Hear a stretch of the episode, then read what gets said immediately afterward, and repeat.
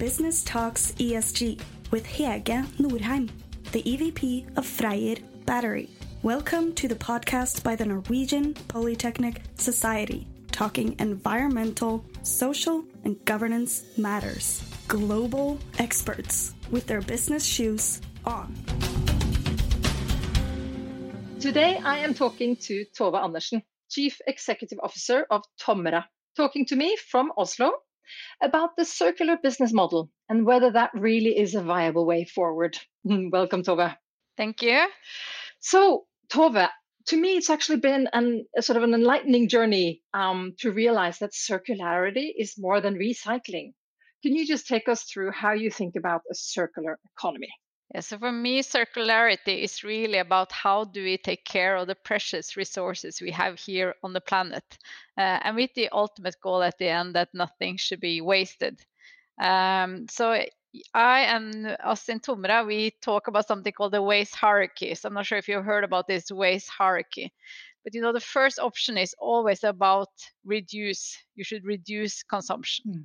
You should, uh, and that doesn't mean just as a consumer that we should reduce consumption, but also, for example, when you design packaging, you try to reduce, you know, how much packaging you use. How do you design it so you limit the resource usage? So that is the first thing: mm. is to reduce. The next part is reuse how can you develop solutions where you reuse the resources? Because typically that will be more environmentally friendly than recycling. Uh, and then it's only the things that you can't reduce and you can't reuse where you should look at recycling. So this is really about a system change. It's about you know completely new ways of thinking about how we are using our resources how do we design the products how do we set up uh, sharing models and so forth so that we can really then take care of, of the precious resources that we have here. That is lovely. And Tomra, that you lead, develops technology to collect, recognize, and sort resources. That's my understanding. Both, you know, waste, as we understand waste, but also vegetables or mining minerals and uh, other sectors. Um, but but you don't really engage in the technology to actually recycle the materials per se, as I understand it. it. But it's a, quite an ecosystem that is needed here. How do you see the status of the recycling technology and you know circular circular industry, if you like, across industries at the moment? Yes, so as you say, our expertise is in the collection and the sorting of materials. But that means also that we sit a bit in the middle of the value mm. chain. So we know, you know, uh, the lots about the different waste streams that exist there out in the world, and we know, uh, you know, the recycling technologies. So in that, uh, by having this uh, sorting collection focus, we have established a very good overview over the whole value chain. So what is then the status? Uh, I think first of all, I would say there is a lot happening within circularity currently. You know, there is a real kind of boost around it, but still is still not a mature industry. Um, if you look at on a world basis and you look at all the resources we consume per year, now you know less than eight percent of that is circular. Mm. Less than eight percent. Wow. Um, of course, you have some ex- exceptions. So metals, I would say, is the most mature material for recycling and circularity. Uh, if you look at aluminum, I think uh, approximately 75% of all aluminum that has been produced is still in use. So it's still, you know, uh, uh being uh, used for different purposes. Um, however, if you look at plastics, which also has been a lot of work on plastics, uh, only, you know, 14% of plastic packaging today is being um, recycled. Uh, and many of the things that are being recycled is not uh, recycled into a closed loop because that's also the objective. So when you talk about recycling, uh, a lot of what people talk about is actually what we call downcycling. Mm. So you take, for example, a textile and you use it as stuffing for car seats it's good because it gives it another purpose but of course it, after it's been a car seat it will be out of the loop mm. and what we are really after is this closed loop recycling so that things that are being able to be recycled into exactly the same purpose as before because that's when you really have circularity mm. So one of the examples you have there is plastic PET bottles. It's probably the best example where you have closed uh, loop uh, recycling. Sure. I was just going to ask, you know, is there a need for technology development to, to create that closed loop? Do we know how to do it? It, it's a mixture of, uh, for certain elements, yes, there is still technology development needed, but also so much more could be used or could be done with existing technology. Mm. And it's much more about the system change. It's much more about, you know, creating the right incentives for this being, you know, a viable mm. solution. Mm. Uh, unfortunately, uh, today uh, we don't put enough um, cost on polluting. We don't put high enough cost on CO2 emissions or other uh, environmental emissions. Uh, and that means that uh, it's currently for most materials still more profitable to, you know, uh, produce it from virgin material versus then recycled material or it's also you know more profitable to design something to not last for too long and rather being you know uh, thrown away uh, and, then uh, people buy new new goods and uh, mm. services mm. so it's really a system so yes part technology but i think the system change is the hard part and we have seen uh, that the market does not solve this uh, on its own um, so and i don't i assume even with you know uh, virgin material prices skyrocketing in some in some areas right now. In my industry for example lithium you know the price of lithium is, is gone you know enormously and of course makes it more attractive to then urban mine if you like or to, to look at uh, at uh, lithium that is in use. But still regulation is going to be very important. What do you think about where is that heading the regulation? Yeah so i also think to at least to get this speed or change that we need, regulation needs to be part of accelerating it. I think if you wait, I mean, there are many good examples now on companies that really want to, you know, be in the forefront on the green shift, that are, you know, driving uh, demand for, you know, reuse options or recycled uh, material. But if you're really going to, and this needs to happen on a global scale, you know, you need also legislation to either put uh, penalties uh, in place or incentives in place to then make it uh, profitable to really uh, create circular solutions. Um, and quite a bit of things are happening there. EU is in the front seat of this uh, through the Green Deal, uh, especially if you look at the plastic and packaging uh, through their Packaging Waste Directive. Uh, EU has set targets, for example, on collection of beverage containers uh, that uh, by 2029, 90% of all beverage containers needs to be collected. Uh, and that gives a very good stream for recycling. They also put the targets linked to recycled content into different uh, packaging materials. Uh, and they're also looking now at legislation within textiles. Uh, we also see pockets of legislations happening elsewhere. Australia uh, is also far fairly advanced, uh, but at the same time, you know, um, things are from from my perspective, things are not happening fast enough and not on a global scale as it needs to be to really create the change that we need to see. Mm. Do we do we double double click on plastics? You mentioned plastics, and I just read somewhere that there is an expectation of a sort of a Paris lookalike agreement that we had for climate on plastic, meaning I guess then an international deal on plastic. Is that is that true? Do you know how that's working?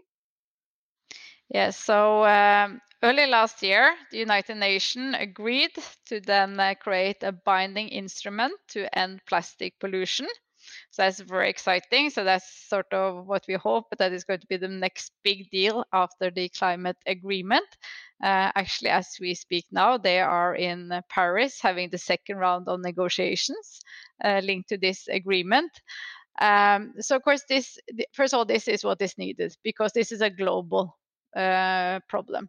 So if you look at plastic pollution, is a global problem. Uh, you know, they say so. Uh, Ellen MacArthur did this study saying that if we continue as we are doing today, you know, there will be more fish, no more plastic than fish in the ocean oh. by 2050. Uh, and we are continuously, you know, feeding plastic into the ocean.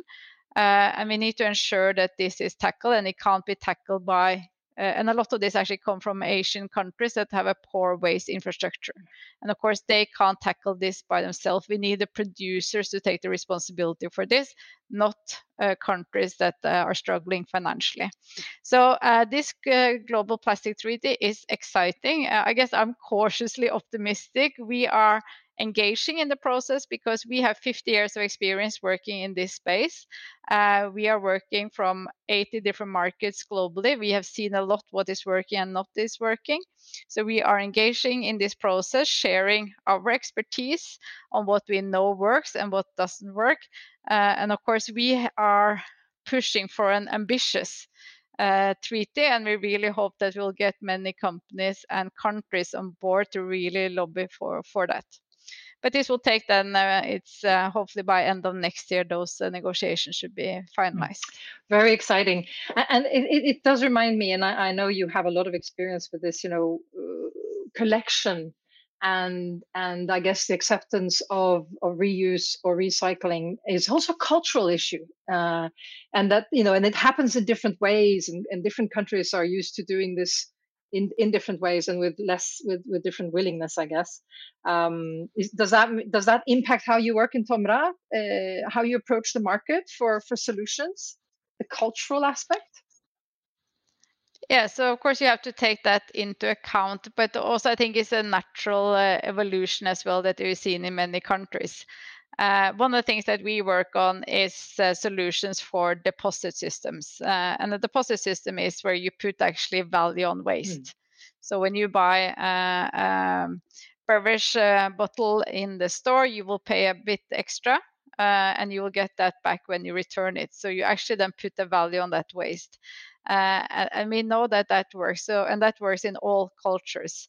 Um, and it works because you put a value on the waste. But also, what's interesting uh, that we have seen when you introduce those kind of deposit systems in the country is that you don't only reduce pollution from beverage containers, you actually reduce pollution overall because it creates an awareness by the consumer that actually waste has a value and waste is something that uh, we should look after. So, yes, there are culture differences and you have to take that into account, but there are also some of those uh, generic things that we know work uh, everywhere. And, and, also, I, you know, uh, strongly believe that um, no country does, you know, want to pollute. No country want to do that. So you need to create the right frameworks, incentives, and you need to make it easy for the consumer as well to behave in a good way. and that works in all countries mm. if you do that. I have been quite fascinated by demand management as part of the circular economy, and and and one of my favorite examples is a, uh, several studies actually that show that cars are stood still 95% of the time, and obviously. all that is wasted resources stood still not being used and in the battery industry you know you know if that's the way forward that we produce all these batteries and we have all these minerals you know mined and processed into batteries that are stood still that is not a way forward. So we need to make it profitable to do something differently. What are your thoughts on that?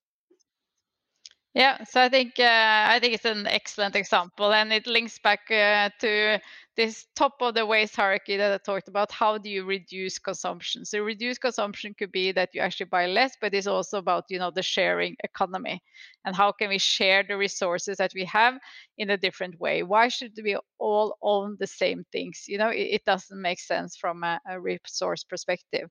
Uh, and I'm quite encouraged what I see from the younger people, where I think this comes much more natural for them um, that uh, they're not so concerned about really owning things uh, as long as it is easy and convenient to share.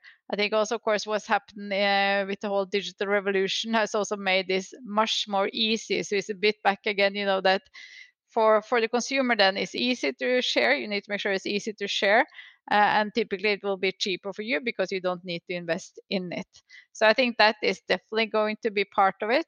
Uh, I think also you mentioned, you know, this with uh, urban mining natural resources how do we ensure batteries is a good example of that having you know many important minerals that we need to be sure that are being recuperated afterwards so first of all it's reduced but then when end of life we need the producers to take the responsibilities for this to also ensure that we are then either reusing or we are recapturing these minerals so that they can be re, uh, reused again. Yeah. And in fact, on batteries again, Tove, the EU has also now is also in, in the process of putting in place requirements for us to use recycled materials in producing batteries. So, and there's yeah. that totally makes a market for it, doesn't it? Hey, so tell me, how do you attract top talent to work with waste and recycling? As a so you know, in Tomra, nothing is a waste. Exactly. you know, it's all resources. resources. it's all valuable resources. Uh, uh, but that's actually the way we look at it uh, as well. I think um, in today's very competitive market for attracting talents, uh, I think you need to offer um, people more than just an exciting job more than just you know good development opportunities uh, and a good compensation you need to offer a purpose that they can actually and i do really believe you know it's a purpose driven companies that will really attract the top talents uh, in Tomra, we have this uh, vision of leading the resource revolution, uh, and the resource revolution is really needed, uh, as we've been talking about. You know, where uh, only we have less than eight percent circularity, um, so we want to lead that. That means that we want to be a proactive player in creating this new circular business model to create this new circular value chain, these new circular solutions. And our experience is that when we tell these stories to people, it's quite easy to get them excited to join Tomra. So our challenge is more that in some countries we are a fairly small company, so it's to get that story across and to get uh, ourselves known. But when we are there face to face with a potential uh, candidate for joining us, uh, the story they typically find very exciting. And I think that's going to be more and more important, you know, to be a purpose driven company to really attract top talents. I think you are so right. and there's it's it's high tech uh, it's a high tech industry and you cover so many segments as well so it really and it matters to you know big parts of the world so it's really really exciting thank you so much, Tove, uh, for sharing your time and your thoughts and your competence and knowledge about circularity for businesses. This is Hege Norheim, who has just spoken to Tove Andersen, Chief Executive Officer of Tomra. Have a continuously great day, all of you out there listening to us. Takk for at du lyttet til PolyPod fra Polyteknisk forening. Få med deg flere episoder eller bli med på nettverksmøtene, som du finner ved å søke at polyteknisk, eller gå på vår hjemmeside polyteknisk.no.